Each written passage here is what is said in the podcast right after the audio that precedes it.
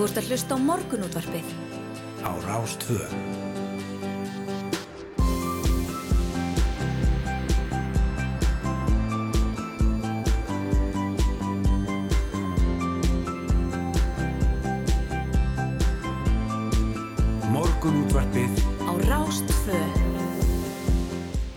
Góðan daginn, eh, það eru Rúna Róbertsson og Hulda Gerstóttir sem heilsa í morgunundarpinu mánudaginn 8. ágúst velkomin á Fætur Já, það er uh, þessi fíni mánudagur og það var nú svona bara frekar mildt veður hér í höfuborgina minnstakosti en greinlega ringt í nótt. Já, já, já, já, einmitt það er eh, bleita í þessu öllu saman núna Já, já, við förum nú betur yfir, yfir veðrið hér á eftir en uh, stúdfullu þáttur framöndan hjá okkur eins og við erum að búast, við erum nú ekki að mæta hérna til að tala mikið neitt, það verður að vera eitthvað skemmtilegt og góði gestir og annað slíkt, við ætlum að, að meðal annars að heyra haust útilegum, við ætlum að ræða við uh, samskiptastjóra almannavarna um svona í að þessa upplýsingagjöf ekki síst til erlendra ferðamanna sem eru mörg hver að mæta vanbúin á góðstöðarnar. Við ætlum að ræða framkvæmta stjóra Credit Info á Íslandi um stöðu fyrirtækja eftir COVID og svo er það formaða samtaka leyenda sem ætlar aðeins að fara yfir leikumarkaðin með okkur og Edda Sif Pálsdóttir Íþróttafréttamaður rúlar yfir helstu tíðindi Íþróttum helgarinnar. Förum nú já. nánar yfir þetta eftir. já, já, nánar yfir þetta, þetta allt saman eftir en uh, það er uh, kannski uh, að kíkja á blað dagsins sem er morgunblaði Já, það er mánudagur, þá bara eitt blað sem kemur út á pappír Já, en vefmiðlarnir auðvitað á vakt hérna allan sólarhingin. einmitt að hérna flott fórsliðmyndin á morgunblæðin dag og það er Guðlugur Albertsson sem tekur hana. En uh, þar er uh, skemmtifæraskipið Scenic Eclipse í forgrunni. En það var uh, statt í Dinjandisvogi á vestfjörðum og lögadag og þetta er 228 manna skemmtifæraskip smíðað í Kroatíu og tekið í notkun fyrir nokkur árum glæsett skip að sjá. Það er er búið upp á lúksusferðin með því til Íslands með já, með þessu skipi og, en Fossen Dinjandi tók á móti ferðamönnum í allri sinni dýrð og uh, óverið mikið vatnin í Fossunum og hann er því sérlega glæsilegur og, og, skipið er lónar hann fyrir utan við angeri og snýr í átt að Fossunum þannig að Fossun er svona í, í bakgrunni e, á þessari mynd, stór glæsileg mynd að sjá. Má ég sjá. við getum ekki sínt hlustendur þessa mynd en, Geggjuð mynd. já, já, þetta er flott mjög flott, mjög flott. og e, svo segir hérna á fórsíðu fréttablansins líka ekki óleiklegt að fastegna verð taki dífu Eh, Já, nú þegar að vakstasteg hækkar og væntingar eru uppi um aukið frambóð húsnæði. Og þetta segir Már Wolfgang Miksa, lektor í fjármánu við Háskóla Íslands. Húsnæðis verð er nú sögulega hátt frá öllum mælikvörðum séð og ekki ósennilegt að bóla við myndast á fastegnamarkaðanum að mati Más. Já, Hann segir samt sem áður hérna þótt það séu engar vísbendingar konar fram um það enn sem komið er þá er ekki óleiklegt að fastegnaverð taki dífu niður á við þegar að vaksastig er að hækka og væntingar eru uppi um aukið frambóð en það hafi slíkt áður gerst. Það er eins og margir við glimt í að fastegnaverð lækkaði um næstum 20% frá 2007 til 2010 og á sama tíma var samanlögð verðbólka í kringum 30%. mm, Það er oft stundum uh, svolítið móða í baksinnspeglunum hjá manni. jú, jú, það, það getur verið. Það er bara þannig. Hérna inn á fréttablaði.is er uh, öðruvísi frétt, getur við sagt. Mm? Fyrirsögnin, þetta er, er íþróttafrétt. Fyrirsögnin er slóst við tippið á sér í sprettlaupi. já, og tala hérna um minn 18 ára Alberto Noninho frá Ítalíu sem var í síðasta sæti í sínum riðli í 400 metra hlaupi á HM Úlinga í tögþraut sem fer fram núna í, í Kolumbíu hann byrjaði hlaupið að krafti en hann var ekki neinum undirbuksum segir hér og litli hersöðingin byrjaði að gæjast út nánast út hlaupið. Og svo er hérna sett myndband með og hann þurfti að halda hérna segir fréttamaður tippið slapp út úr búningnum og hann þurfti að halda á því í mark og þetta hefur ekki tölverið aðdegli en Noninjó, hlauparinn sjálfur, reynir að sjá björturliðarnar og sagði á Instagram reikningi sínum að hann vissi vel af þessu og það væri óþarfi að vera að senda sér myndir eða myndböndi að kommenta um þetta. Hann væri þakklátur vinum og ættingum að komast í gegnum grínstormin og, og hann fór svo í viðtal og ítali og segir það er margir sem skrifa og segja það sé ljótt að leggja í einelti en byrta svo myndbandið. Og fyrir annan en mig sem er ekki viðkvæmur ungum maður hefði þetta geta uh, sem er ekki mjög viðkvæmur ungum maður hefði þetta geta endað öðruvísi. Já. já, e, það er líka spurningum að, að fyrirsögnin sé villandi þarna, þarna er það bara heilin sem klikkar að fara í undirbuksunar Já, eiginlega.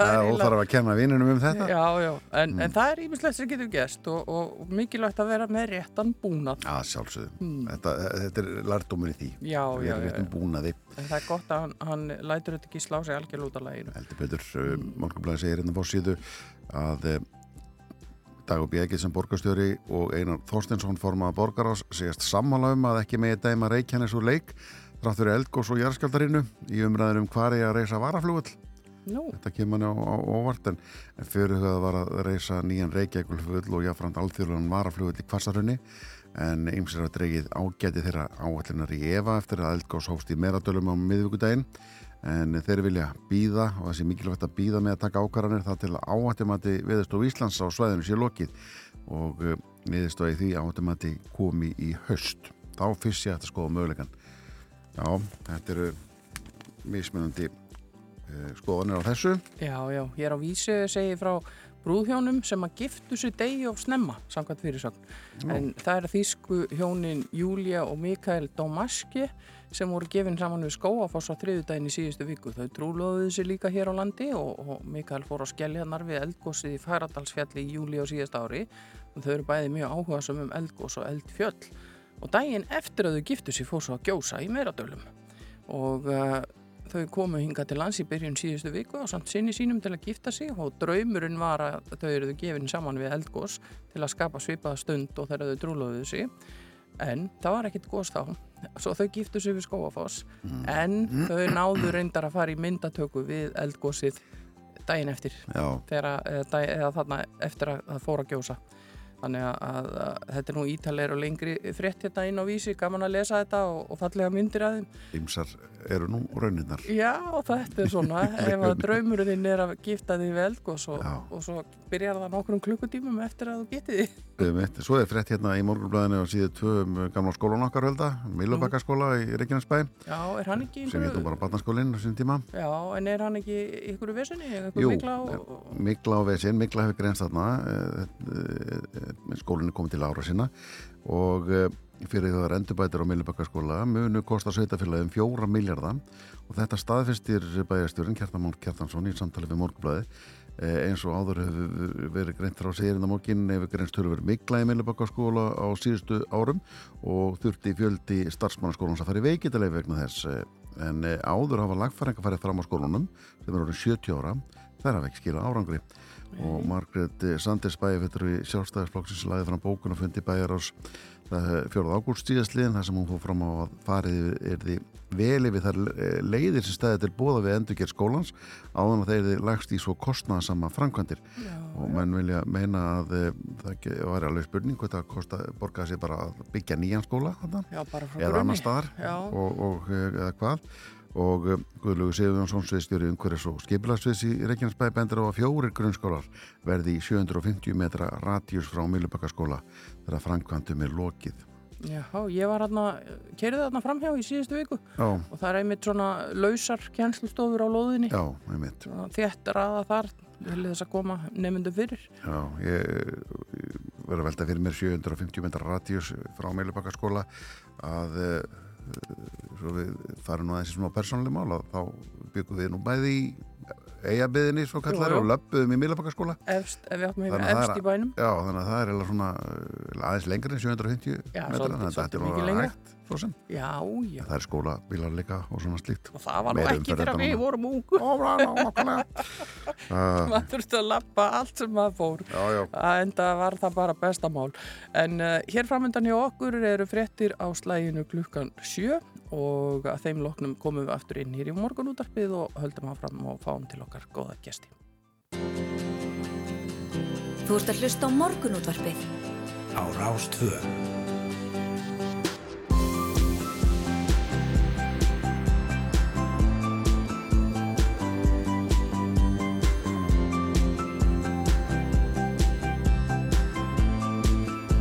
Rástvö. Morgunútvarpið Á Rástfö. Já, við bjóðum góðan dag hér á Rás 2. Það eru Hulda Gestóttir og Rúna Róbertsson sem eru með ykkur í dag. Það er þessi fíni mánudagur, áttundi, áttundi. Þetta er uh, góð dagsending. til dæmis til að gifta sig við eldgós, einhverjum dettu það í hug, en það þarf þá að vera opið Já, og það er nefnilega ekki opið við góðstöðarnar eins og er ef þið eruð í þeim pælingum. og svo er spurning þetta uh, hversu hjátur og full, fullur uh, þú ert uh, viljum við gifta okkur á mánandegi svona almennt séð ef maður er að hugsa um það er, er Mánudag til í það? mæðu. Já, er það ekki eitthvað svo leiðis? Ég veit einhvern tímann var það svo lið. Ég held að séu allir dagar góðir í það og fólk Já. velur sér auðvitað dagar sem að hafa einhverja svona, oft einhverja meiningu. Já, já. Stundum stýst þetta bara um að að komast fyrir í, í kirkjum Ah, og, og veistlusölum ah, en uh, kannski fáir sem er í þessum hugleðingum akkurat í dag. Já, en uh, sem við ætlum að gera í dag uh, við ætlum að, við ætlum að fara að hugað haustunum skólarnir að byrja fljót, fljótlega sumafríin búin og svo framvegs og þessum tíma ratar útilegu búnarinn gjartaninn í geimslu en það nú aldeilis ekki þannig hjá Valgerði Húnbóðadóttur sem segir ekkert mál að framlengja útilegu sumarið hún kikið til okkar í morgunkaffi og segir okkur, segir okkur af haust útilegu með allt á bakinu. Já, hún gefur ekki tómu eftir en fyrir daginn. Það maður heyra þess að verkefni sem að hún er að leiða e, í höst og uh, svo er það góðstöðarnar, það var lokað fyrir aðgengi að þeim í gæri vegna veðurs en það hefði verið mikil umferð dagana þarna undan. Og tölvert um að þyrta aðstofa fólk vegna meðisla, örmögnunar eða ofkælingar. Og það hefur verið mikil áhersla lögð á upplýsingagjöf til fólk sem að leggur leið sína á góðstöðarnar en þrátt fyrir það er tölvert um að fólk leggji vannbúið í hann og dæmi um að erlend ferðafólk hafi ekki fengið þær upplýsingar sem við Íslendingar höfum aðgangað. Við ætlum að fá Hjördísi Guðmundsdóttur samskiptastjóra almannavarna til okkar til að fara eins yfir þessi mál og hvernig auka má enn frekar upplýsingagjöf til ferðamanna. Hún verður hérna hjá okkur strax að loknu frétta yfir liti klukkan halv átta. Já, nákvæmlega. Og svo ætlum við að ræða við Hrefni Ösp Sigurfinns, uh, Sigfinnsdóttur, franganda sigur að kreditinfo á Íslandi og skoðum samantektum þróun reksturs fyrirtækja á Íslandi á árunum 2019 til 2021. Hver er staðan eftir COVID? Er allt á herljar dröm eða gengur vel? Hrefna fyrir þetta með okkur uh, Já. rétt fyrir átta. Verður mjög áhugavert að heyra þetta vegna þess að nú eru uh, kjara viðræður framundan og Akkurat. ímislegt í, í gangi og, og, og þá er áhugavert að vita hvernig staðan er í íslenskum fyrirtækjarekstri. Já, nú Guðmundur Argrímsson formaða samtaka leigjanda, hann segir úrræði stjórnvalda til handa tekiláum kaupmöndum, svo kvöldur hluteldarlán ekki virka og að stjórnvaldum hafi mistekist að hjálpa þessu fólki að eignast húsnaði. Fjármagnir sem er erðnamert hluteldarlánum er um fjórir miljardur árlega á að döga fyrir 400-500 íbúðum. Reglugerð um hluteldarlán er eh, á ábyrð innviðaráðunetis en eh, viðmiðuna verðin sem umræðir eru endur skoðið árlega og útlutar húsnaðis og mannverkjastofnun sexunum ári. Eh, bara þetta er svona grunnurinn að, að, því og við ætlum að heyra í Guðmundir Hafni nánar um þetta, þetta mál. Já, og svo eins og alltaf á mánudöfum fáum við til okkar fulltrúa íþróttadeildarinnar og það er hún Etta Sif Pálsdóttir sem kemur í dag. Hún ætlar að fara yfir helstu tíðindi af íþróttum helgarinnar með okkur upp úr klukkan hálf nýju. Já, það verður, við veit, Nó að frétta það. nóg að frétta þar og við ætlum að fresta þarna eh, síðast í dagur var, af, var aflýst í, á Íslandsmótunni í golfi og ég var um þetta að hugsa það sko ef að þjóðatíði verið þessa helgina. Ég hugsaði nákvæmlega það sama. Já, Úf, ekki það að ég hefði, sko ég held að það er auðvitað ekki sangjant að hugsa ég að það var þá skárreita var þarna, með helst hefði maður ekki viljað hafa neina rigningu, þannig Nei, nei. að, að, uh, hérna, að golffólki hefði getað klára sig, jú, jú. en, en uh, svona er þetta stundum á Íslandi. Láttu mig þekki þetta úr hestamótunum maður, við erum búin að halda nokkuð flóðustamótir í gennum tíðina. Flóð þetta nú. Nákvæmlega. Ef ég kikið hérna á, veðurstofunar undir jarðskjáltar, þá sé ég hérna, ég fór svona að skoða hvað það hefði verið einhverjir margir skjáltar yfir þremur uh, síðastliðin sólarring. Það var náttúrulega, Það kom einn náttúrulega stóri gær. já, 4,1 þannig áttamundur í, í 12 í hátíðinni gær, Mm en svo var einn í nótt, uh, 20 myndur í fjögur cirka, þrýra stærð, en það sem að vekur aðtegli mína er hvar uh, hann er staðsettur. Uh, hann var endur á 23 kilometra dýpi. Mm. Nei, 4,9 km dýpi afsakið, ég var að horfa lengdina hérna, Já. 23, eh, 23 sekundur, 4,9 km dýpi og gæðin svo sem, sem eru hérna á síðunni eh, eru lítil, veist, það er ekki búið að fa- yfirfara þetta nánar, en hann var söðaustur af Hellisandi. Nú, Ég man ekki eftir að af Hellisandi í tengslu við Járskálda, en hérna, þetta er enda 24 km söðaustur af Hellisandi, en eh, svo maður skoða korti, þá var þetta svona út í sjó, faksaflóðunum, sínist mér, já, en hérna, já, þetta er svona Íslandi lifandi í allar áttir, undir og yfir og Já, til já. allra átta. Já, Það er ótt að segja það. En við skulum vinda okkur í smá tónlist og byrja daginn á hugulegu lagi frá uh, Karl Orgel Tríó já, og þetta heitir Brefbátar. Við gerum brjóðbáta og stefnum þeim til hafs. Þeir sigla út á sjónarönd í átt til sólarlags. Og fram á gangi hljóna fótatökin þín. Svo hverfur inn í svifrikið og með því svörin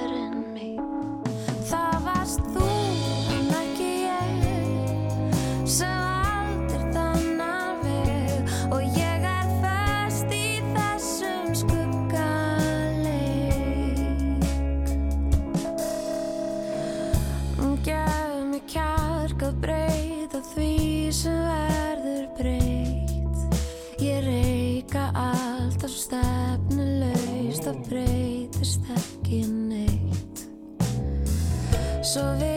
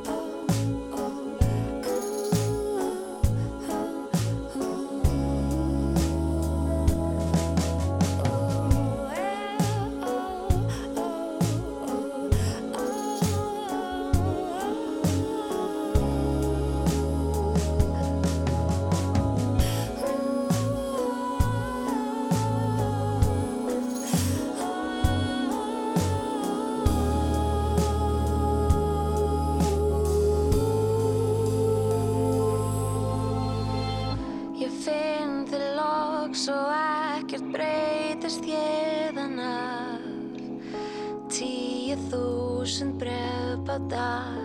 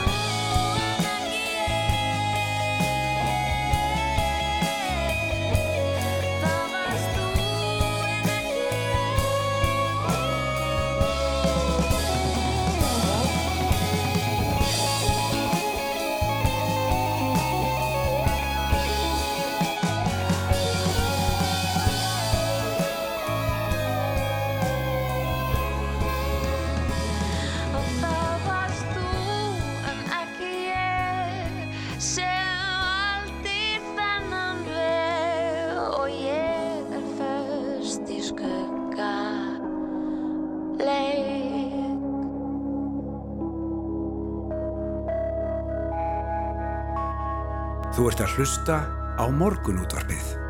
Á Rás 2. Það er ótt að segja það að þetta standi til nafni hann að lokinni, þetta sé Karl Orgel Tríó. Já. Heyrðu, hann er orgelun alveg. Mjög flott, þetta er flott lag og, og uh, gaman að rúla því svona snemma dags Já, og, Salka Sóla syngja. Já, hún uh, slæst hann í hópin með þeim en uh, við ætlum að kíkja þess á veðri, við ætlum eftir að gera það. Já, hugleðinga veðurfræðins í morgunsárið eru þannig skilin sem gengur við landi í gær eru nú komið norður fyrir land og í dag verða sunnan 8 til 15 metrar á sekundu og skúrir en lengst að þurft og bjartviður á norðaustanverðu landinu. Næsta lægð, takk fyrir, næsta lægð Já. kemur inn á Grænlandsaf setnipartin og þá færist úrkomi bakki inn yfir sunnavert landi með samfeldri rigningu. Híti 9 til 17 stig, hlýjast norðaustalands. Í fyrramáli verður læðin skamt vestur á landinu þá verður áttinn suðlag eða breytileg, kaldi eða strekkingur og allvið að talsverð rigning en um og eftir hátíði dregur úr úrkomi ákæðinni. Sýtis verður þurft að mestu á Austurlandi og þá bætir í vind við suðu austur ströndina. Sá nei, hérna vikuspanna í, á rúf í gerkvöldi í, í veðufréttum Mm þar sem að það var nú freka blöyt í kortunum bara þessa vikuna. Já, það var eiginlega svolítið svoleiðis. Ég ætla að vona þe- að þeir eh, Íslendingar sem eru að hlusta okkur og uh, eru staðsettir eða búsettir í Danmörku njóti bara sumasins því að það er yfir þannig þegar við fáum læðirnar þá fá þau gott yfir. Já, þetta er, þetta er, það er vandlifað í þessu. Já, Nú hér inn á vega vegagerðarinnar er varað við ósléttum vegi á, á Siglufjörðavegi þar að segja og erfiðum aðstæðum á þeim köplum þar sem jarðsig er og á Austurlandi er eh, vinna við borgarfjörðavegi og vegurinn er grófur og, og má búast um miklu steinkasti og það er mælt með því að fólk fari Hróastungu veg nr. 925 og Lagarfossveg nr. 944 og það er unnið að fræsing á borgarfjörðavegi við héraðsflóa og vegfærendur um að beðnur um að fara þar um með gát og svo eru allar helstu leiðir á hálendinu nú opnar uh, það var svona, þegar að fór að snjóa hann um daginn þá, þá var uh, kannski ekki alveg hægt að fara um allt hálendið allavega ekki á hvernig bílum sem er. En við segjum bara eins og við segjum alltaf best að skoða vel við vegagerðarinnar, þar er miklar upplýsingar að finna.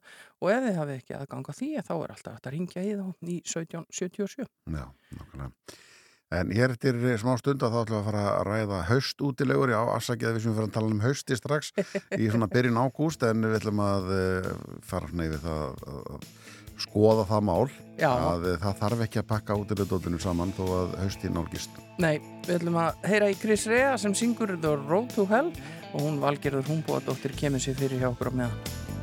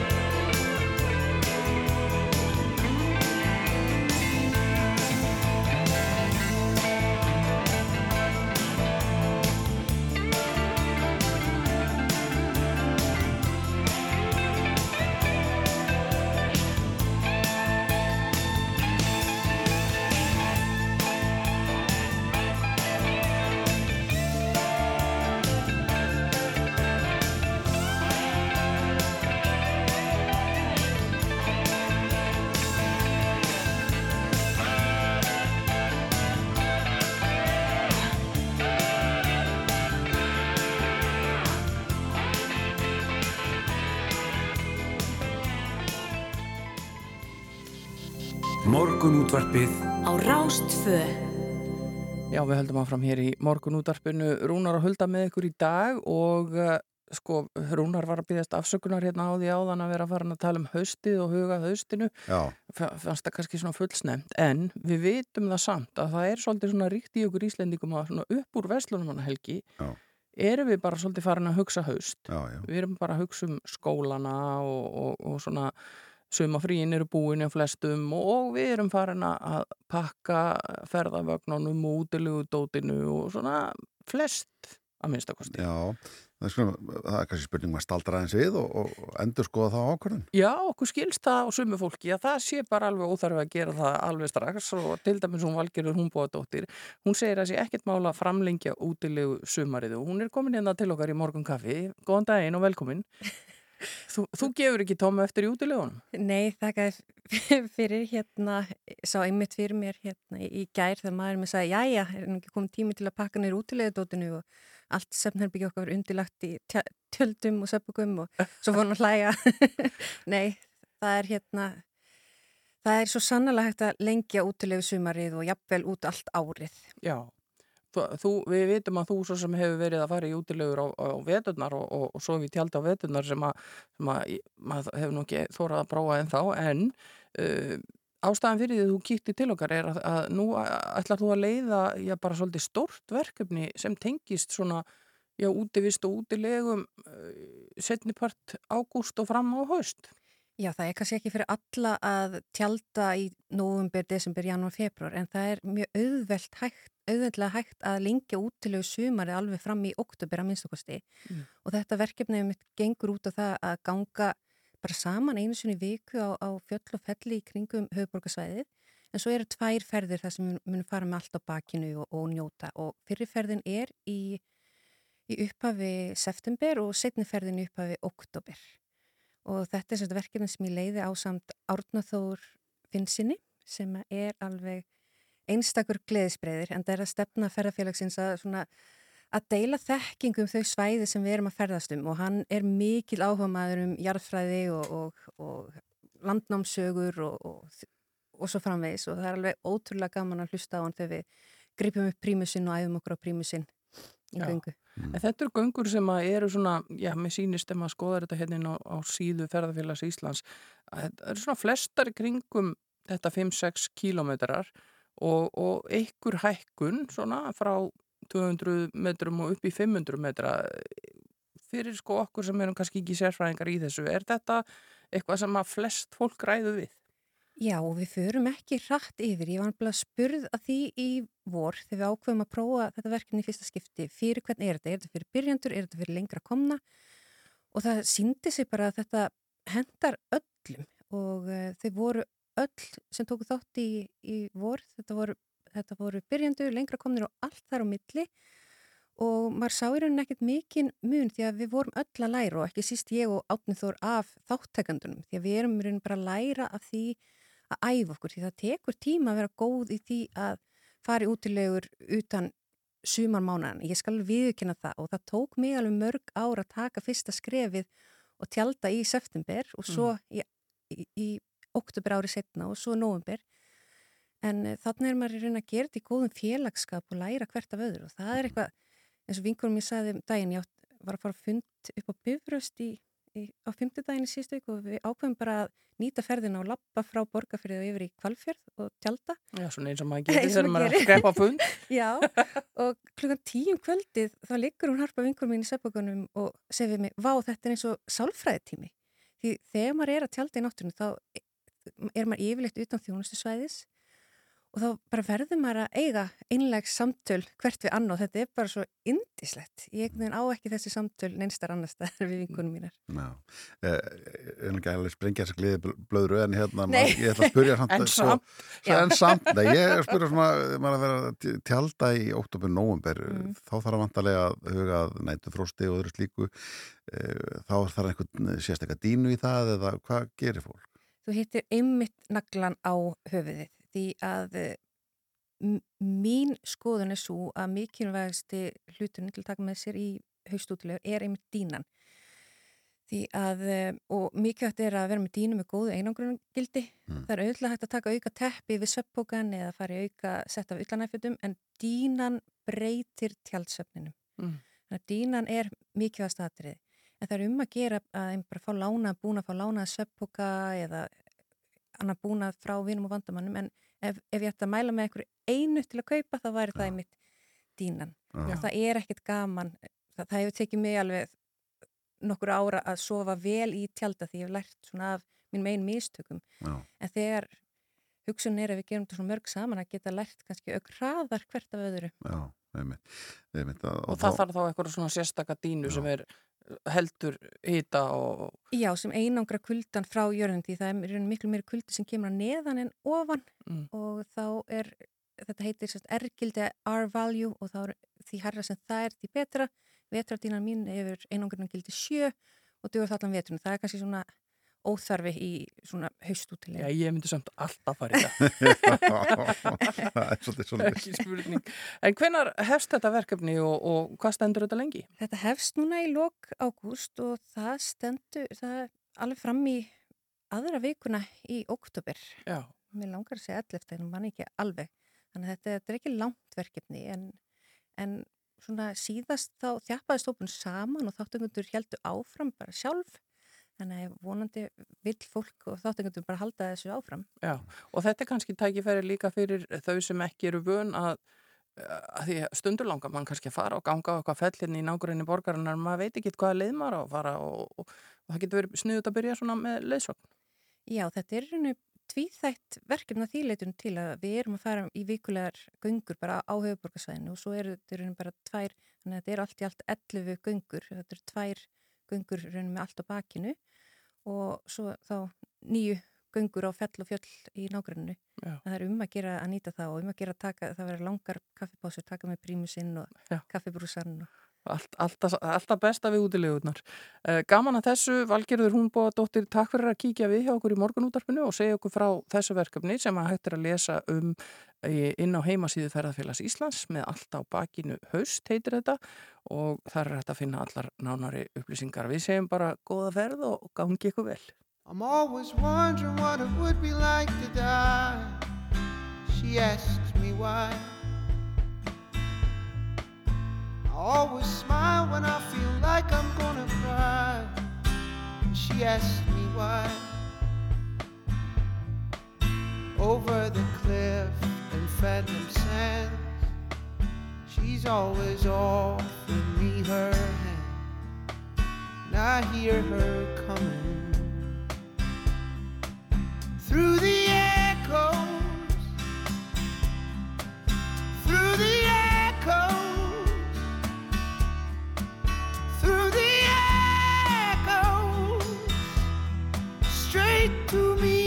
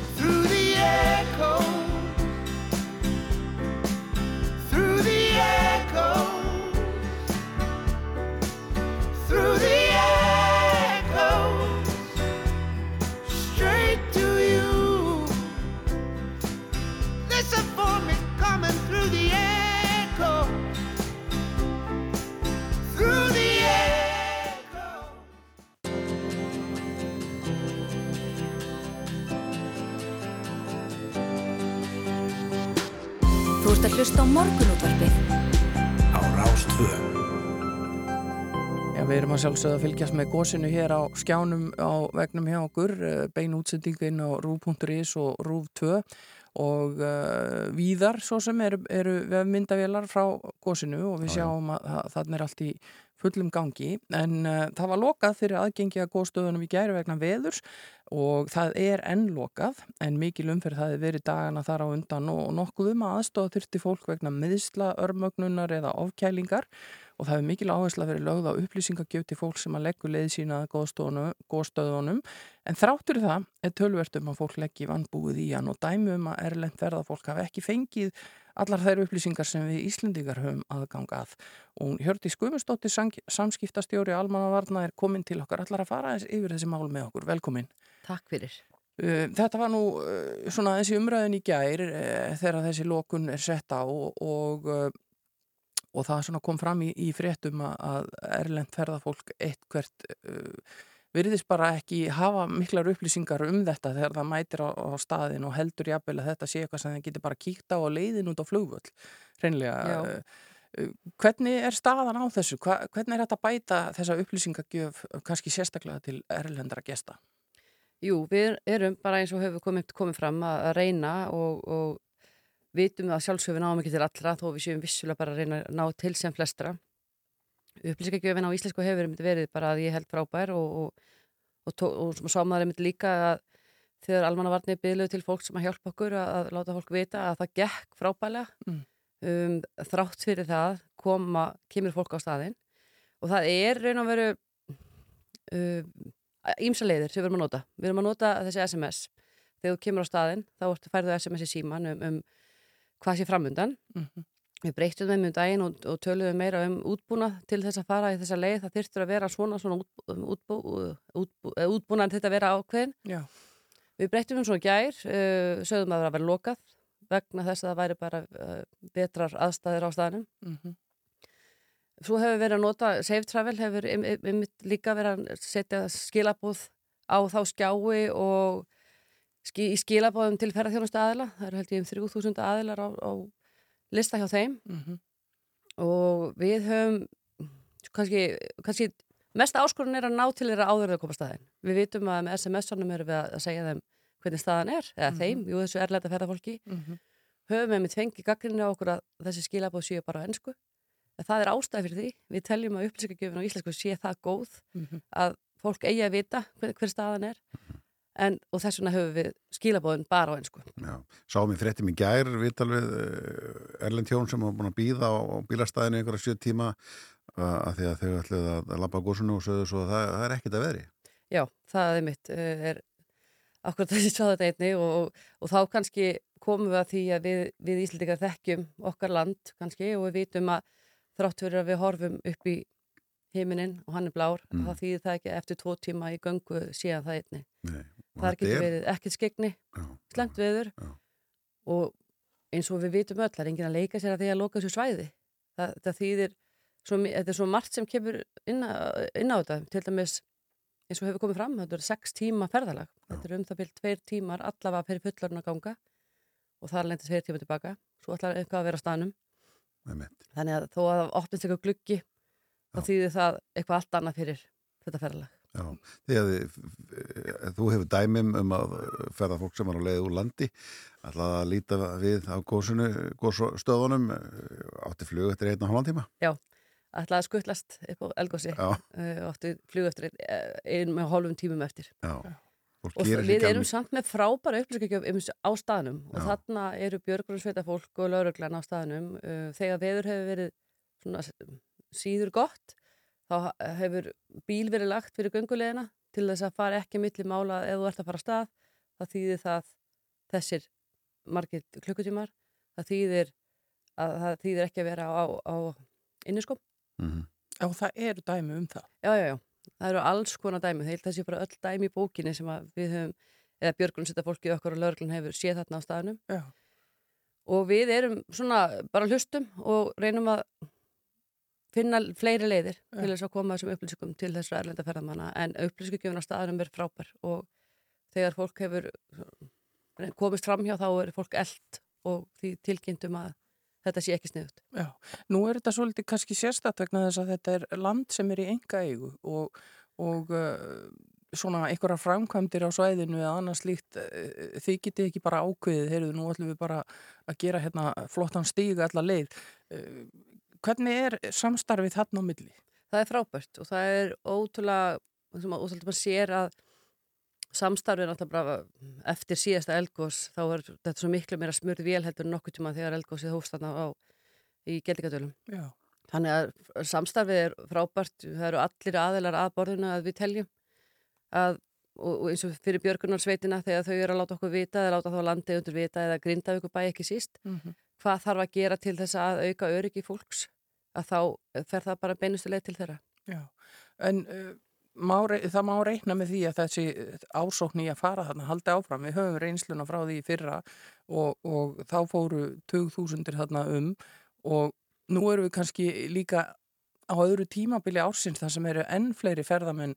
Þetta hlýtur að skapa jafnvel svona stærri áskorun. Það gerir það ekki, og það er ekki spurning að þetta er miklu meira áskorun núna með erlenda ferðamenn heldur en síðast. Er svo fyndi maður að tala um eitthvað eldgóð sem var bara í fyrra. Já, sem í gamla daga bara sem það er náttúrulega alls ekki uh, við erum með mitt að mm, það er akkurat mikil áskorun og það eru fleiri og maður skilur það það er Mhm. ekki þannig að við skiljum bara ekki okkur fólk nenni yfir höfuð að í þessu göngu þetta er náttúrulega bara í okkar DNA Íslendinga að sjá eldgós þegar við komumst í tæri við það og þetta er náttúrulega eitt af stórkostlegt sem hægt er að sjá ég bara get vottað um það sjálf en það þýðir samt ekki að þó að mann er langi að þá þýðir ekki það að maður ætla að fara í labbitúr með litlu börnin sín sem að standa miklu læra en við Mm. í landinu sem þýðir það að- gós eða fyrir ekki að, að mengun af, af gasinu er meiri fyrir Já. lítil börn uh, það, það að vera bara á inniskónum eða stuttarblabólum það er eitt að lappa af stað frá bílastæðinu og vera svo komin til tvo tíma á berangur þar sem þú finnur ekkert skjól Já. Og það er ekki þannig að, og, og það snýst svo mikið um líka með björgunina. Að þeir, þau sem er að fara að bjarga okkur, að það er vissulega margir sem að hafa þurft á aðstóða að halda Mhm. bæði íslendingar og erlendir ferðamenn. Þá snýst þetta líka um það þegar að vera að loka að bjarginnar eru ekki klárar, geta ekki bjargað okkur öllum. Já, við rættum einmitt við hann Bóa Adolfsson hjá, hjá Þorbirni uh, í vikunni fyrir gós. Þá vorum við svona bara að heyri honum hljóðið og hvað við væri að gera núna og hvernig gengi að jafna sig eftir gósið í fyrra og svo liðið bara þrý-fjóru dagur og þá að fara að gjósa aftur. Uh, sko, er hægt að til þess að, að sjálfbóðaliðar í björgunarsveitum standi í þessu bara árum saman, getur við sagt núna? Nei, það er ekki hægt og það er eitthvað það sem er núna verið að vinna í öllum þessum hópum og vinnuhópum og annað sem er verið að þetta, þetta fólk sem er að hittast hverjum einsta degi að tala saman að það er verið að finna aðra leiður Já.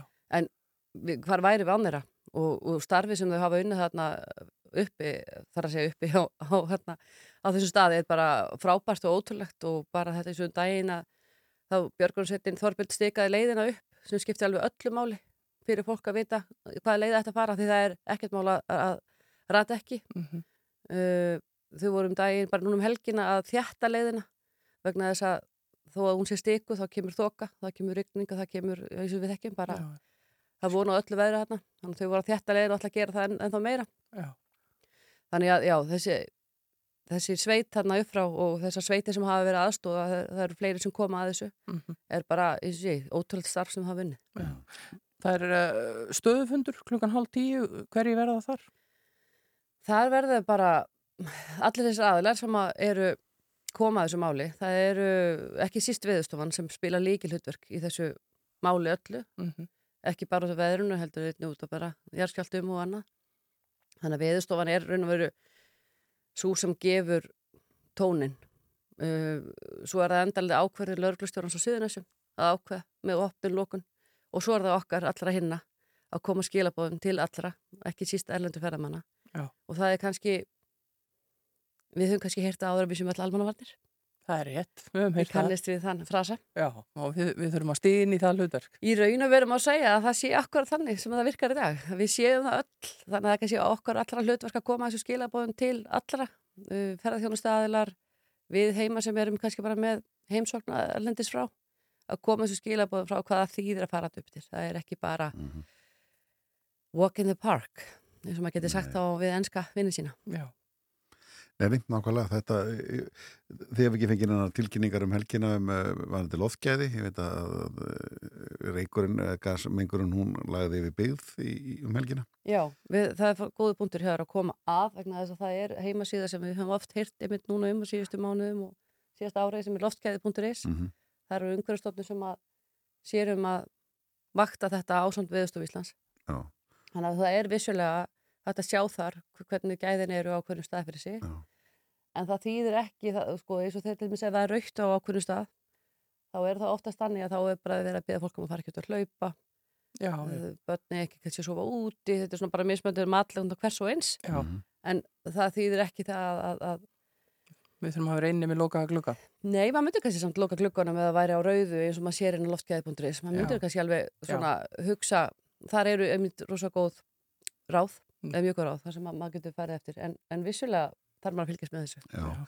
Ég s- veit að því að fólk sem kennir Reykjanesbrautan til þessum helgina fann svona ekstra mikilvægt fyrirleitt já, sem dæmi. já, hún er alveg og maður sér einmitt þennan, þennan bláa þessu bláu gufu og Mhm. maður hefur fundið að ég var svo heppin að fá að fara upp á eldgóðs í síðustu viku að maður finnur þetta Já. og, og þess vegna er, er, eru gasmælar á staðnum þar sem að Björgunarsveit og lauruglan er með á sér Já. og þegar þeir byrja að pípa þá byrjaði fólk vinsalast um að fara þaðan sem að pípið kemur en jújú, jú, maður finnur þetta vissulega. Já, Já, það er mörgu að huga þarna.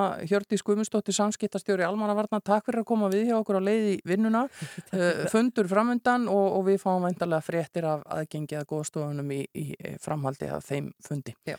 Takk fyrir að kíkja okkur. Takk fyrir sem leiðis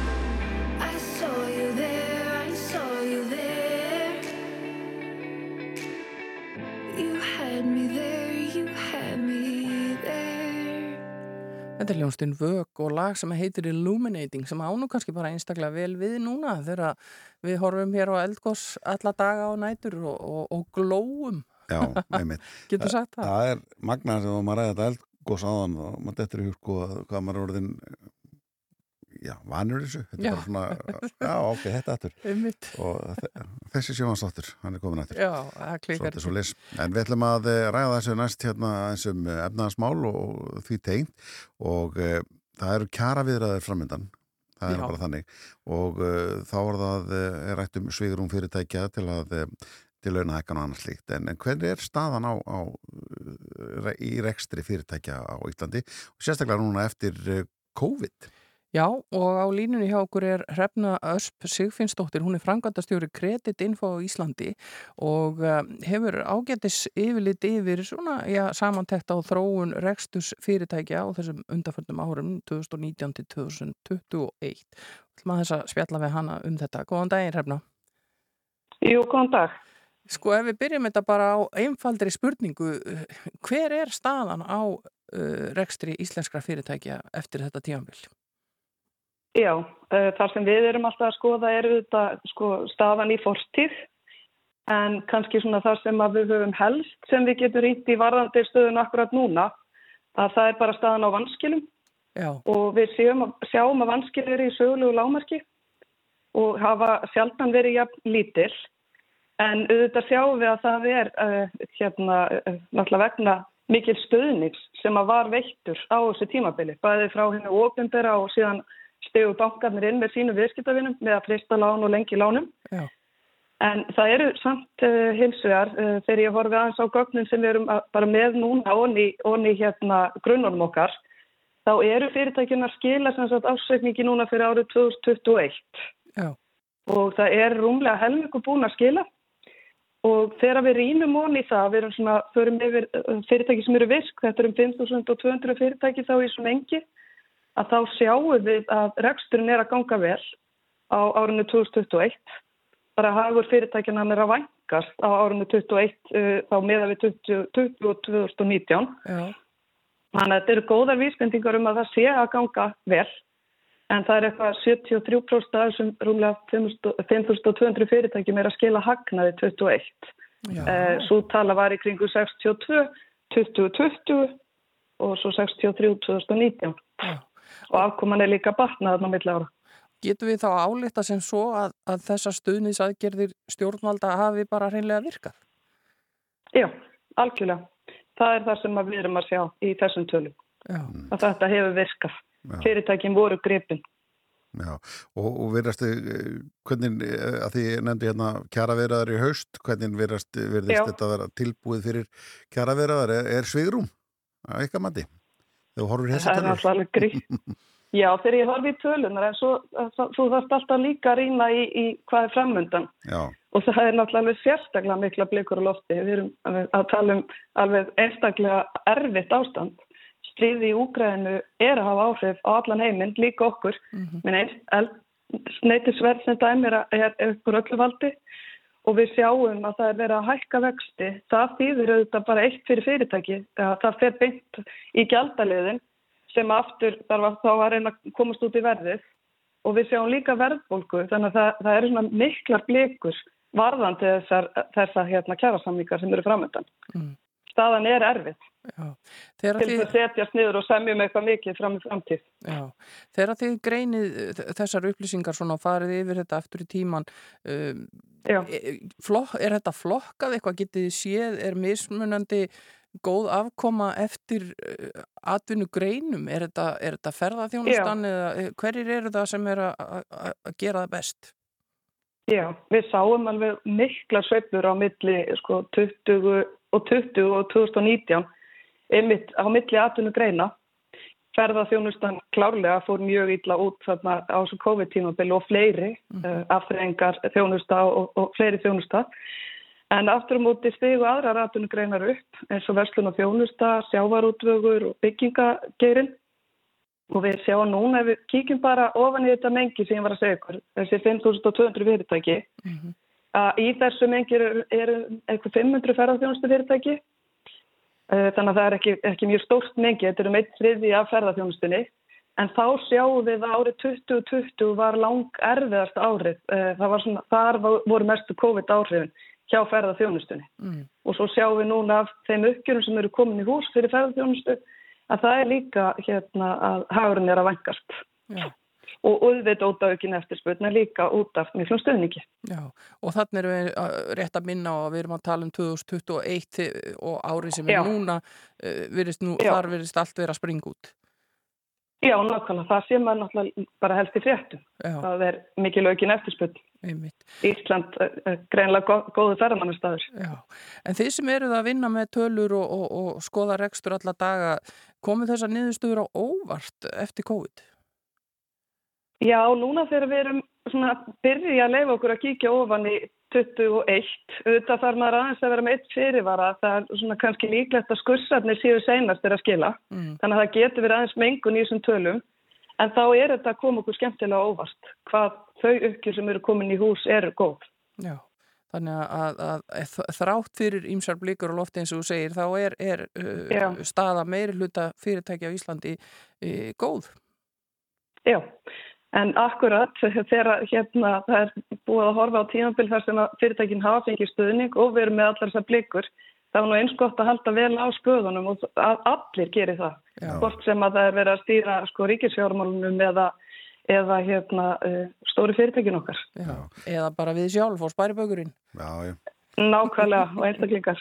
Það er allir að vera hignir og plana, plana langt fram. Já, nákvæmlega. Það hérna, samt, eh, hefur vakið aðtekli mitt að, að fyrirtækin í smá, smásvölunni þeirra að vera út arð og annað slíkt, þannig að að, það var engin, eh, engin skellur á þeim í, COVID, það þurfa allir að kaupa í ískapin. Já, nákvæmlega það var tími og fólk hafði tíma til þess að svona hlúa inn við um heimilisins. Já, Allir Það að sést baka. alveg í tölunum. Já. Einmitt, einmitt.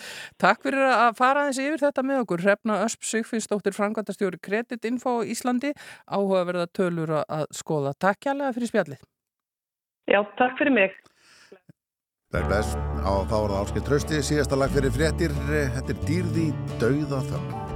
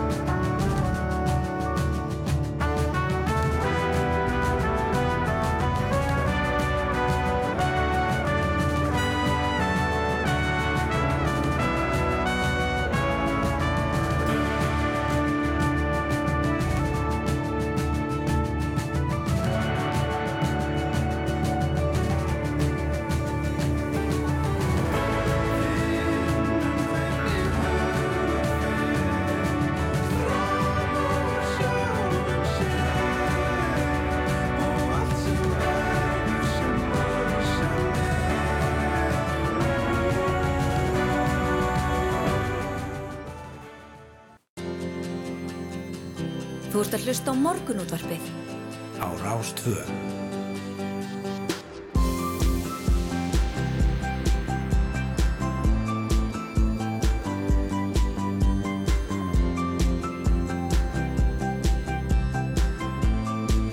Morgunútvarpið Á Rástvö. Áfram höldum við hér í morgun útarpinu og eh, hér framöndan hjá okkur og eh, þá ætlum við að eh, fara yfir íþróttir helgarinnar. Hún, eh, Edda Sif Pálsdóttir, kemur til okkar eh, eftir eh, hálf nýju og, og hér eftir smástundu eftir eitt lag að svo þá ætlum við að heyra í Guðmundir Hrafni Argrimsinni. Hann er formaður samtaka leigjanda og hann segir úrræði stjórnvalda til handa tekila um kaupöndum, svo kvöldir hluteldalán ekki virka og stjórnvaldum hafi mistekist að hjálpa þessu fólki að eignast húsnaði. Heyrim í honum hér á eftir. Já, en við ætlum að uh, fara hress og káta stað inn í þennan klukutíma með uh, stjórninni og þessu síkildalagi þeirra ég lifi í voninni.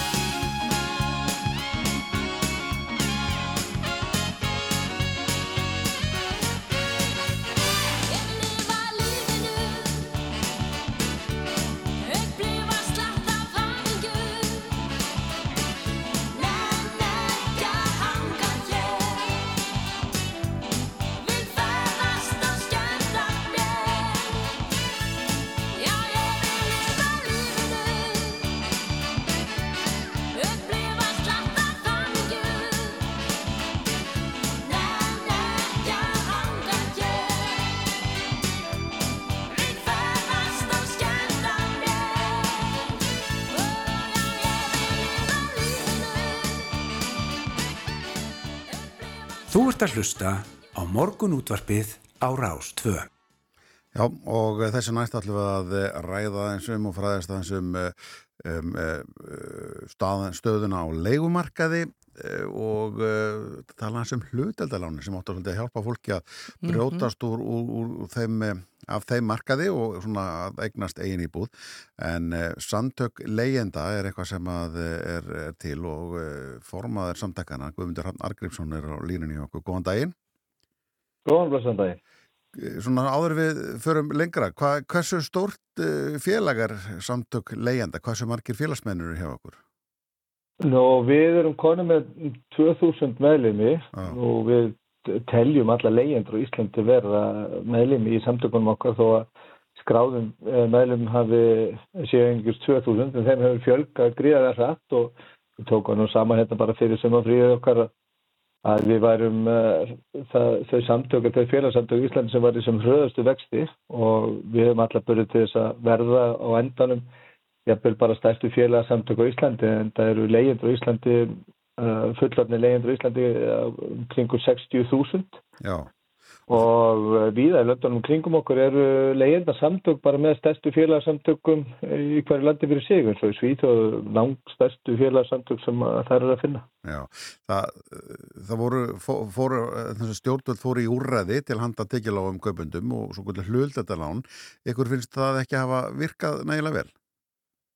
Nei, þau hafa ekki virkað, ekki bara okkar mati heldur, bara held ég að flestar sem að hafa verið að rýna í þessi úrræði að hlutendalán hafa brugðist minnstakosti eh, leyendum og ég held að mörgum öðrum tekjulóum en það finnast ekki neinar íbúður á eh, söluskám hérna höfbrukarsæðinu sem að falla undir þessi skilir í hlutendalánana og, og hérna, þau taka náttúrulega bara til nýra íbúða áttum okkur því að, að verktakin eða byggingaræðilin sem að ætlar að selja íbúður með hlutendalánum hann þarf að skrá sig uh, fyrirfram Já, í gagnagrunni og, og, og, og skrá sig í þetta verkefni á húsnæðis og mannvíkastofnun og þar með undirgangast þessi skilirði og ég á erfitt með að sjá að, að verktaka sem að stjórna rauninni ferðinni byggingaræðilar og fastegna þróunni félug sem stjórna algjörlega ferðinni á fastegnamarkaðnum séu eitthvað í unnvörpum að skrá sig hjá húsnæðis og mannvíkastofnun til þess að draga úr sín megin hagnaði. Ég bara sé það ekki alveg gerast. nei, Nei, það er engin kvati í, í þessu kerfi fyrir þá að gera það. Ég ekki með hennar staðin er þannig að, að þessi félög sem að stjórna fastegnamarkaðanum, fastegna þróunafélögin, verktakar, fastegnasalar og þessi aðeila sem að eru þarna megin við uh, söluferlið, að meðan að staðin er svoleiðis þá er engin kvati fyrir þau með þess aðeila að, að draga á sínum hagnaði með þegar að auka frambóð á ódýru húsnæði þar sem að fermetra verði í látt.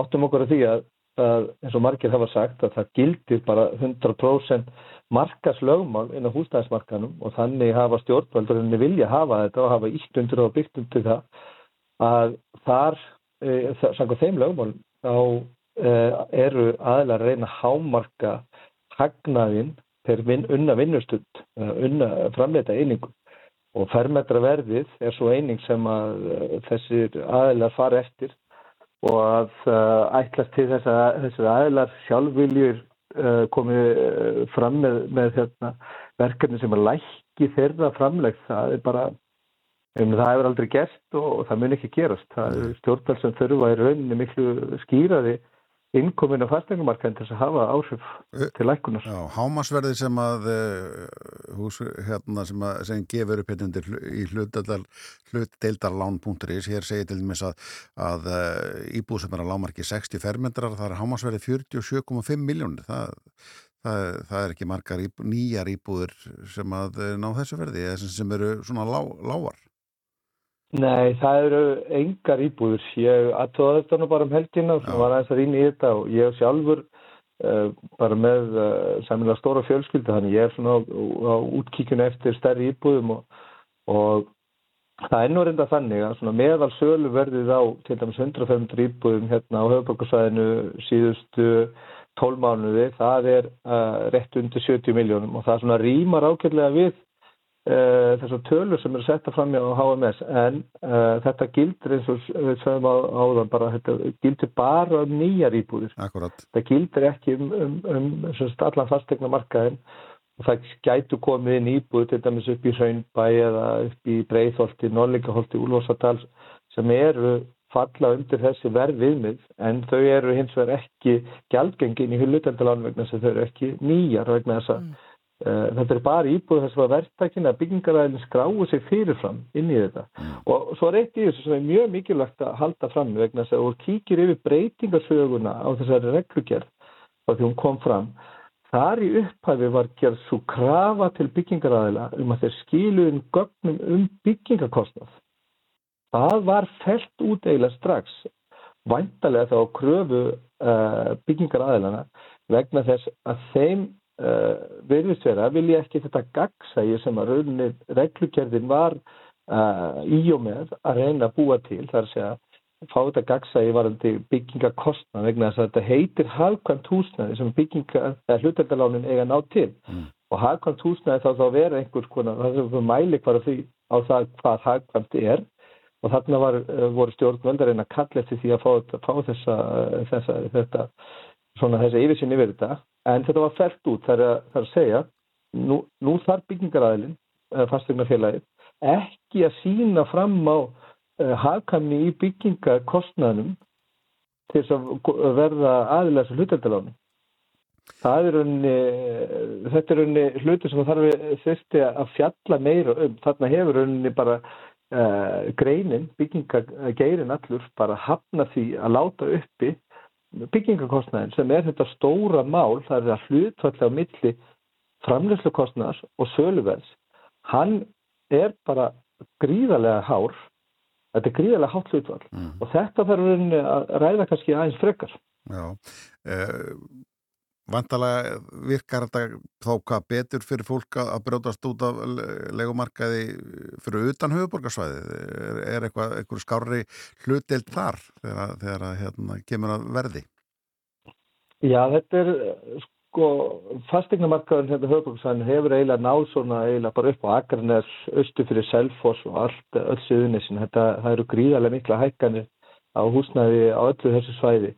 Uh, það er bara spurning hvað fólk uh, vil fara langt frá sínu atvinnusvæði vegna þess að við erum líka að hugsa um að fylgir því gríðarlega kostnaður og umhverju spjöll að, íta fólki 100-150 km frá höfuborgarsvæðinu uh, til þess að hérna, komast í húsnæði sem það getur ráði við. Þetta er líka kostnæður sem fellur á heimilin, þetta er líka kostnæður sem fellur á samfélagi með uh, aukinni slit, auk- auknu slit á vegum og þess að það. Þannig að það er engin rauninni góð lausn í bóði uh, hvorki fyrir leiðindur eða þá sem eru annað borðurinn að komast inn á fasteignumarkaðin. Við erum átt okkur líka á því að þrátt fyrir öll þessi fögru orð, þessi miklu lofvorð og þessi miklu fyrirætlanir stjórnvalda, að þá hefur dreigið úr framleiðinu byggingargeirnas í ár. Þrátt fyrir all, allt þetta neðar ástand, þrátt fyrir öll þessi fögru orð, þrátt fyrir allt þetta sem að, öll þessi verkefni sem eru á borðinu og eiga að fara í gang, þá er 20% lærri framleiðinni á fastegnumarkaðinu höfbruksvæðinni í ár heldur en í fyrra. Sem að það er að auka á ástandið. Hér er að fjölga fólki, það er að fjölga fólki sem er að koma til þess að vinna í færið þjónustunni og jafnvel bíling gerur hún líka. Um, og fleiri og fleiri íbúður að fara inn á skamtímalegu markaðin samt dregur úr framleginni byggingagerans. Já. Það eru 880 íbúður tilbúnar á fyrstu sex mánuðum ásins með höfbrukusæðinu með að voru tefla 1200 í fyrra. Eh, Svo, svo er það náttúrulega líka spurningin um þetta hvort það þurfi að eh, breyta eh, hvernig við erum með til dæmis hérna, lánshafismatið og annars líkt því að eh, fólk er ofta að borga meira í leigu heldur en að, að eh, það kostar að, að, að kaupa íbúð og borga af henni. Já, við erum að sko, sjá þetta bara núna, það er verið að herða reglu varandi greiðslumatið og, og það er kröfur sem er settar af fólk að, að, sagt, að húsnæðskostna með ekki fara upp fyrir 35 og 40% ja, fyrst, annars vegar 35% og 40% hins vegar, að meðan að leyendur eru með uh, yfir 50% að jafnaði uh, húsnæðskostnað allt upp yfir 70-80%. Eh, Það verðist vera engin takmörk á því og við höfum verið að kalla eftir því að vera sett upp leigu það, og verið sett upp eitthvað svona kerfi til þess að hemja leiguverðið en það því hefur ekki verið svarað við erum í, í engu ansað heldur einfallega bara bent á að hérna sé eh, hérna framöndan gífurlega uppbygging á húsnæði sem muni lækka fastegna verð og gera öllum kleitt til þess að komast í öðru húsnæði en við erum líka átt okkur á því að að þrátt fyrir að hér verði kannski byggt mikið á næstu árum þá vorum við að aðtúa hverju kaupmæntu hópurinn að þessum fastegnum. Nú er, er uh, á Íslandi allra stærstu kaupmæntu hópurinn ennþá eru aðilar sem eru lögaðilar og, og eignar fólk sem eru að kaupa upp húsnæði til útlegu. Já. Þetta sérst hvergi annar staðar og í flestu löndunum kringum okkur eru eitthvað takmörku á þessu annarkvort varðandi það að þú getur ekki fengið lán fyrir íbúð með 2, 3 eða 4 eða jafnvel þú mátt ekki eiga húsnæði sem þú byrði ekki. Hérna eru engin takmark á því og þrátt fyrir að, að, að hér sé uppi fögur orðum um miklu uppbyggingu húsnæðis þá vorum við að koma í veg fyrir það að það séu aðila sem að sitja að þessu kauput upp bara til þess að setja á legumarkaðin vegna þess að það er mesti hagnaður í dag. Já, viltu, viltu sjá viltu sjá hérna svona félagsbústaðakerfið öflugra eða efla það Já, aftur? félagsbúst, já, félagsbústaðar eh, eins og Reykjavík til Reykjavík eru runni sérdagt búsetúræði. Mm. Það er ekki ein einasta óhagnaðadrifin leigu íbúð á almennu leigumarkaðu í Reykjavík. Þetta er sorgleg staðurinn og er í rauninni algjörlega einstakt í allri Evrópu að sé engin óhagnaðadrifin leigu íbúð á almennu leigumarkaði uh, í höfuborg uh, einhvers landsinn í Evrópu. Var, var, ekki, Algjörlega einstakt. var ekki ASI að, að byggja slíkar íbúðir? Þetta eru sértök búsúldúraði sem að uh, þú þetta er rauninni að fara í gegnum mikið nálar og auga varandi tekju, hérna, tekjur þínar og fjölskyldustærð. Þetta er ekki almennar íbúður sem eru opnar öllum þessum að vilja vera legumarkaði. Þetta er mjög sérstakt að það er engin almen, þannig óhagnadreifin legumarkaður í, í, í höfuborg uh, og þetta, ég var að koma frá og ráðstöfnu í Finnlandi að ég hitti fyrir formenn leyendarsamtaka flestar landi í Európu og þetta er algjörlega einstakt að það skulle ekki finnast óhagnadrifin leigu íbúð og almenn legumarkaði í höfuborg uh, landsins Já, og hafa, þetta er mjög sérstakt já. En hafa samtök leyenda einhvern aðgang að stjórnvöldum? Getið þið komið þessum sjónamiðum ykkar á framfæri? Er ekki sjálfsagt að- að fylgja þessu eftir? Jú, við höfum eh, verið að eh, berjast fyrir því að fá ná augum að eirum stjórnvalda og það hefur gengið svona upp og ofan. Við hefum til dæmis ekki fengið fundi, við hefum sótt um fundi bæði með Katrín Jakobsdóttur fórstættráður að Sigur Inga Jónesinni og Guðmund Inga Guðbræðsinni. Við hefum reyndar hitt Guðmund Inga en, eh, og, og hitt fulltrúa Katrínar en hinnir eða þessi ráðamenn sem vilja heldur bara ekki eh, hérna, mæta leyendum vegna þess að þau, þeir hafa bara ekki svör sem að eh, gagnast leyendum og það er eins og leyendur séu bara afskiptir afskiptur hópu sem í rauninu skapar alveg gríðalega auð á fastegnumarkaði svo auður er kannski þetta er svona auðsöfnu sem hefur verið að eiga sér staði núna þetta fyrir tíu ár og gert uh, mikið eða tölvölda fólki mjög ríkt og búið til í rauninni fastegna bólu eða svona verðmynduna bólu fyrir fastegna eigendur í Íslandi. Þetta, þessu standa leyendur undir Já. og í rauninni eiga leyendur alla rétt á að fá sæti við þessu borð bæði þegar var að ræða um leigumarkaðin og, og, fastegnumarkaðin og húsnæðismarkaðin almennt. En það er bara ekki verið að ávarpa leyendur uh, að minnstakosti á þann hátt sem að er, er gert í löndunum kringum okkur ættur rauninni að gera. Já, takk fyrir að fara yfir þetta með okkur Guðmundur Hrafn Argrímsson, formaður samtaka leyenda og gangi ykkur vel í ykkar verkefnum. Takk hérlega fyrir.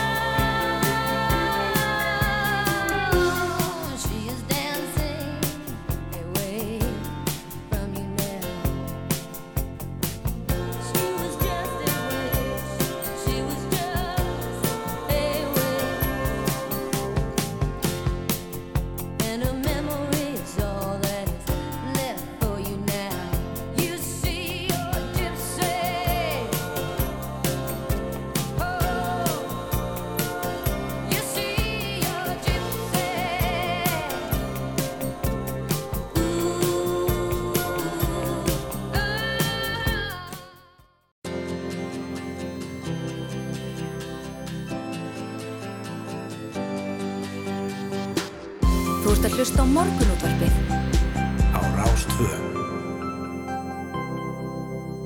Jú, jú, við ætlum að halda áfram hér í morgun útarpinu, það eru Hulda og Rúnar sem eru með ykkur í dag. Við vorum uh, búin að líta aðeins á veðrið hérna fyrir í morgun, kannski spurningum að reyja það eitthvað örlítið upp.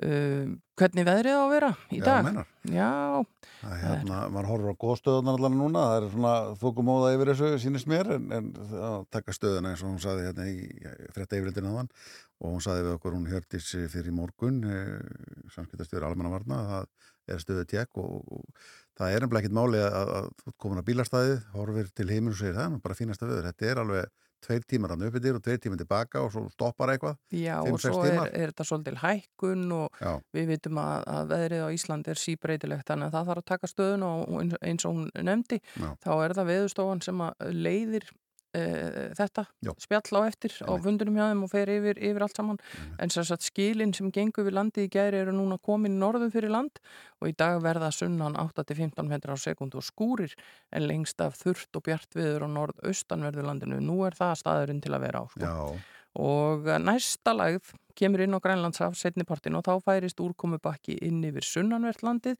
með samfeldri rigningu upp með stígulinn og regalan. Hitti 9-17 stig og það verður hlýjast norðaustanlands.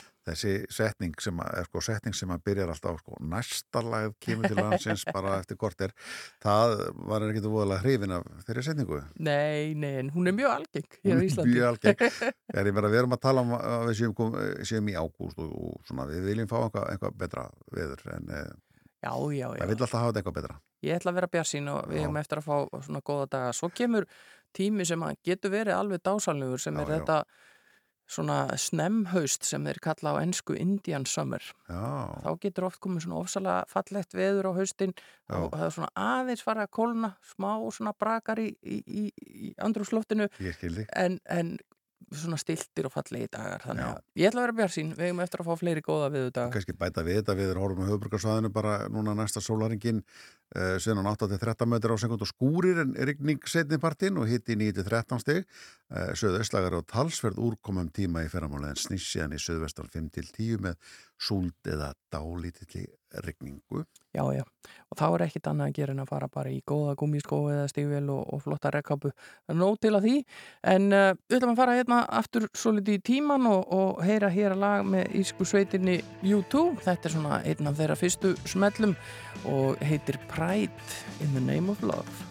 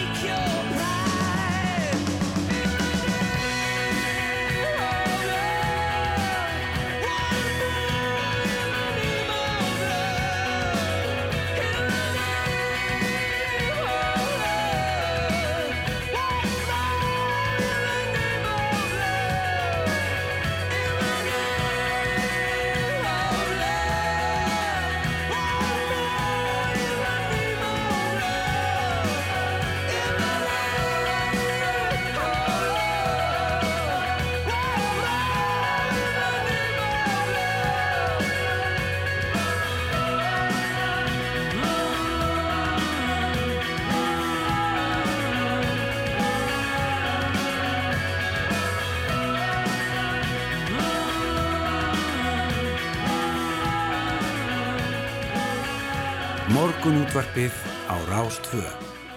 Alltaf gaman að heyra í vinum okkar í, í U2 og þetta lag lifir góðu lífi.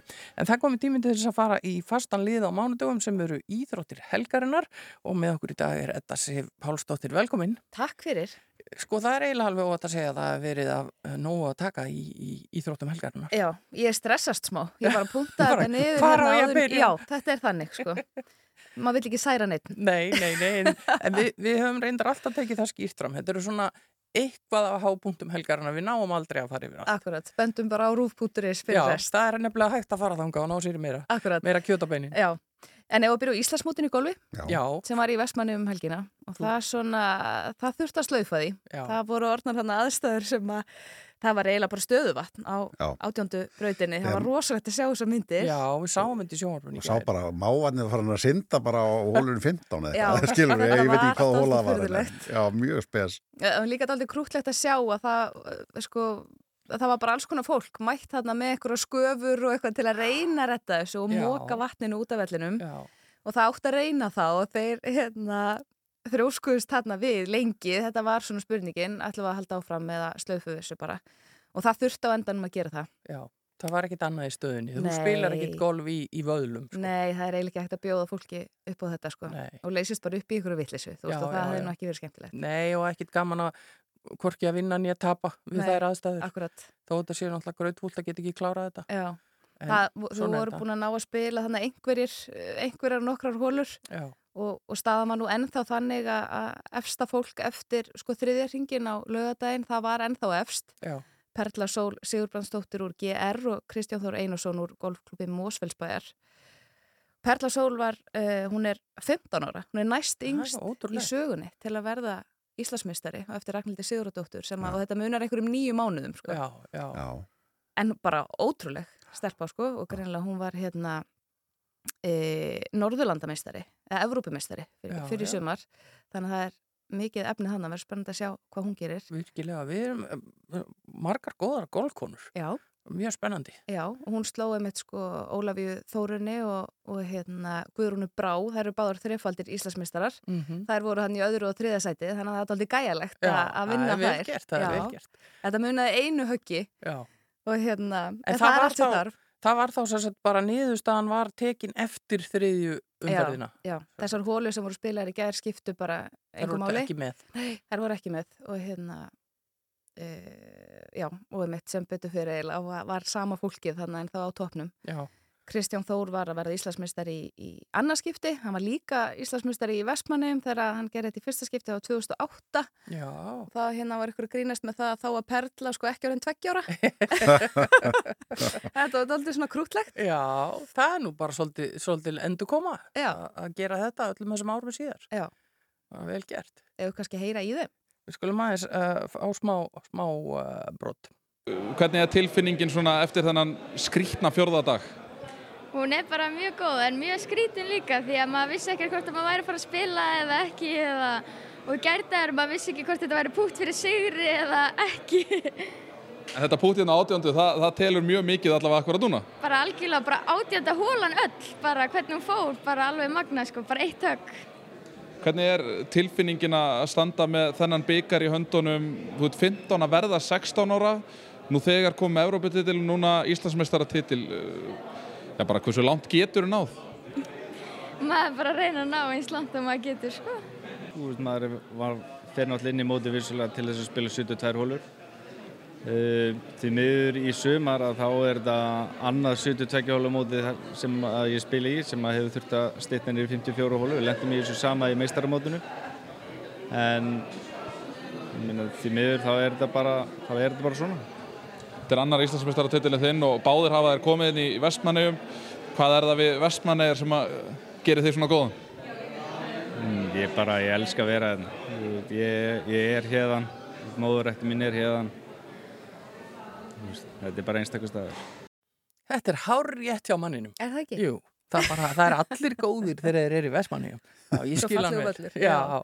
þetta er er leiðilegt að þetta skildi enda svona en virkilega góð framistæða hjá þessum tveimur og auðvitað fleirum. Já, og svo fengum við vallarmett líka sko á lögadaginn. Sigurður Bjarki Blúmenstein sem varði í öðru sæti, þetta jafn Kristófer Orra Þóruðarsinni í kallafloknum. Mm.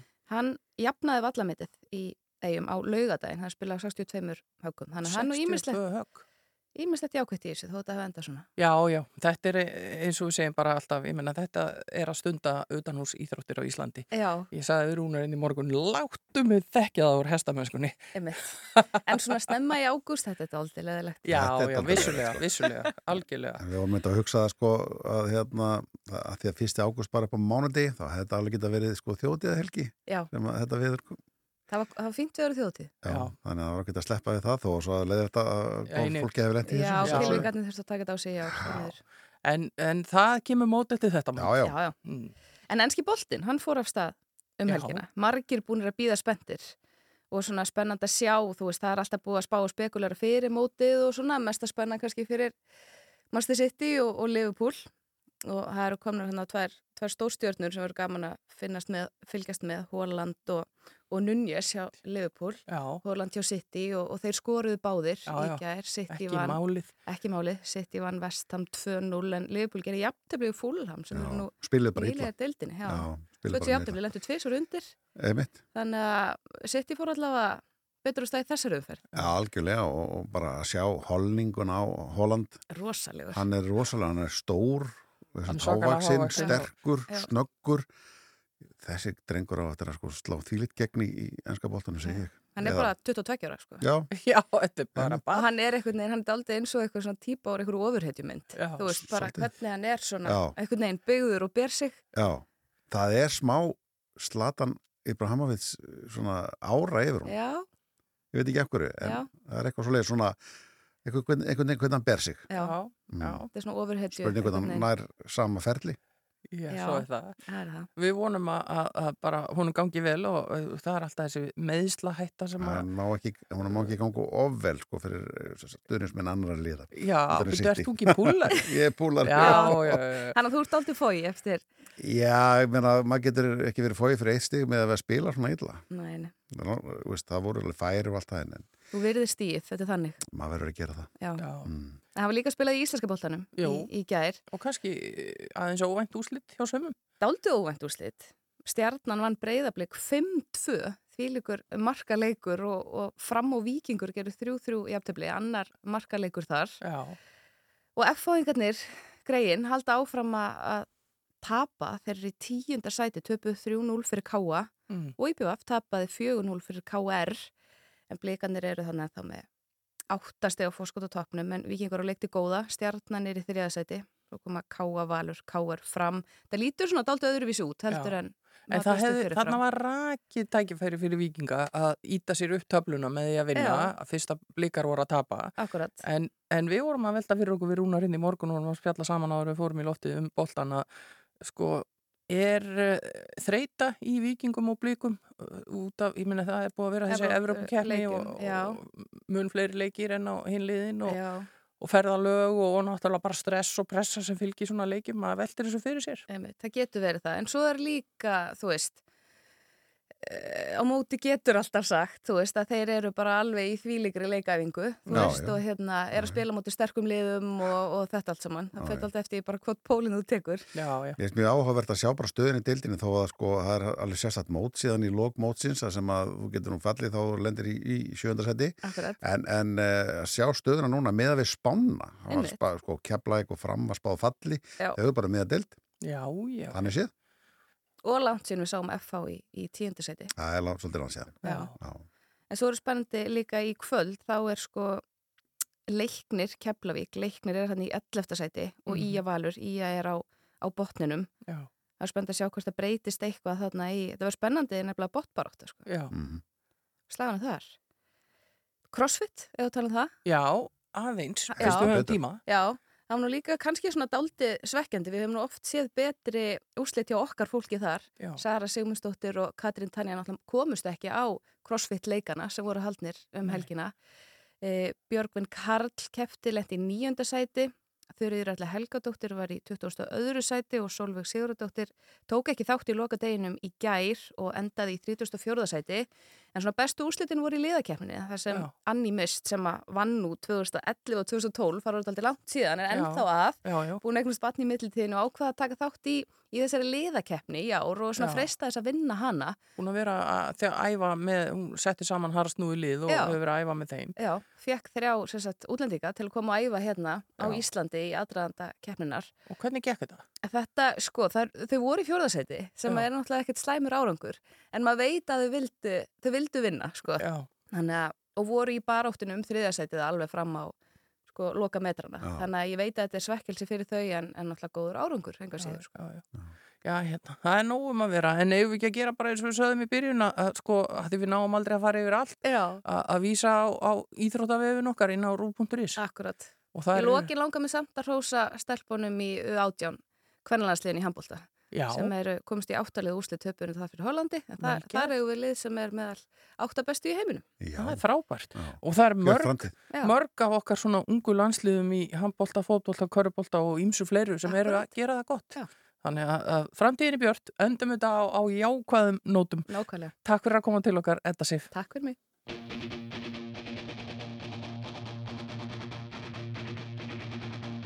Love dies young,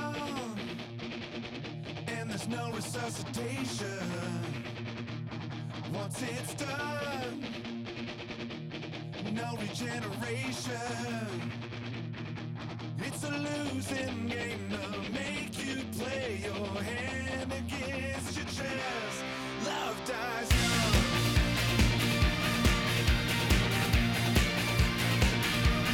Love dies young.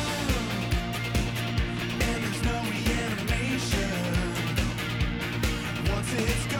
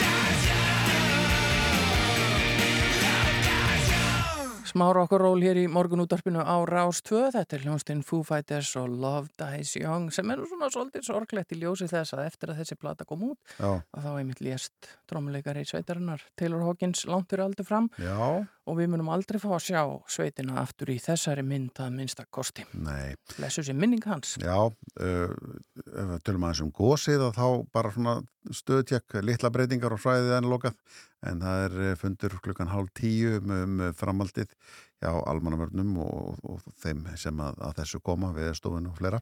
En uh, litla breytingar á gósinu sjálfu. Já, og við erum auðvitað bara að fylgjast með þessu hérna inn á rúf.is og, og, og, og á rúf 2 Já. útsendingunni, það er hægt að sjá svona glitta í þetta og, og það er greinlegt að það er ekki sérstaklega gott viður en, en við heyrum meira af þessum fundi þegar honum líkur. Já, já, og svo áhugavert að þeir eru búin að tekna um kort þarna hjá almannavörnum um, um svona gönguleiðir og annars líkt og þetta að eh, kíkja á það en, og svo er náttúrulega loftgæði.is upp, á- upp á loftgæðin ef við þurfum að hafa áhugjur af því Já. að gasi streymið þarna frá Nú, uh, það voru gleðifregnir um helgina eh, hjá ákveðinni fjölskyldu allavega Gauti Þyr Másson og Jóhanna Sjalli giftir sig við hátilega aðtöfni fríkirkjunni um helgina Já, og við ætlum að mynda að enda þáttin í dag og ég heyra lag með Gauta, MC Gauta. Þetta heitir Hvað er að frétta og já, það er bara greinilega Það er mikið að frétta þarna, honum. það er margt Við þakkum fyrir okkur í dag, eh, Rúnar og Yngvar hér á vaktinni í fyrramálið en framundan morgunverkin og þar er það Þórður Helgi sjálfur sem snýr aftur. Við þakkum fyrir okkur í dag, hafið það sem allra best og njótið dagsins.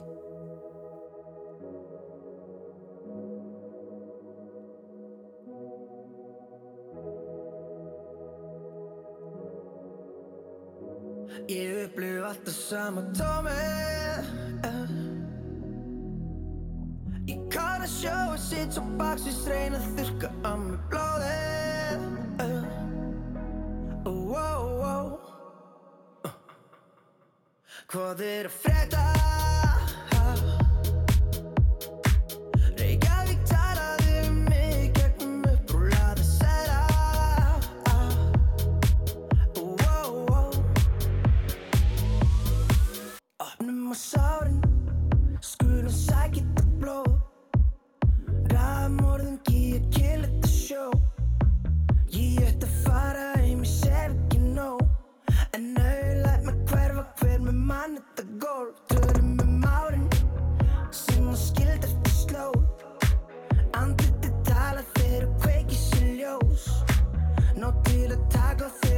Sérði sól En ekki hugsa í nóg Ég upplif alltaf sama tómið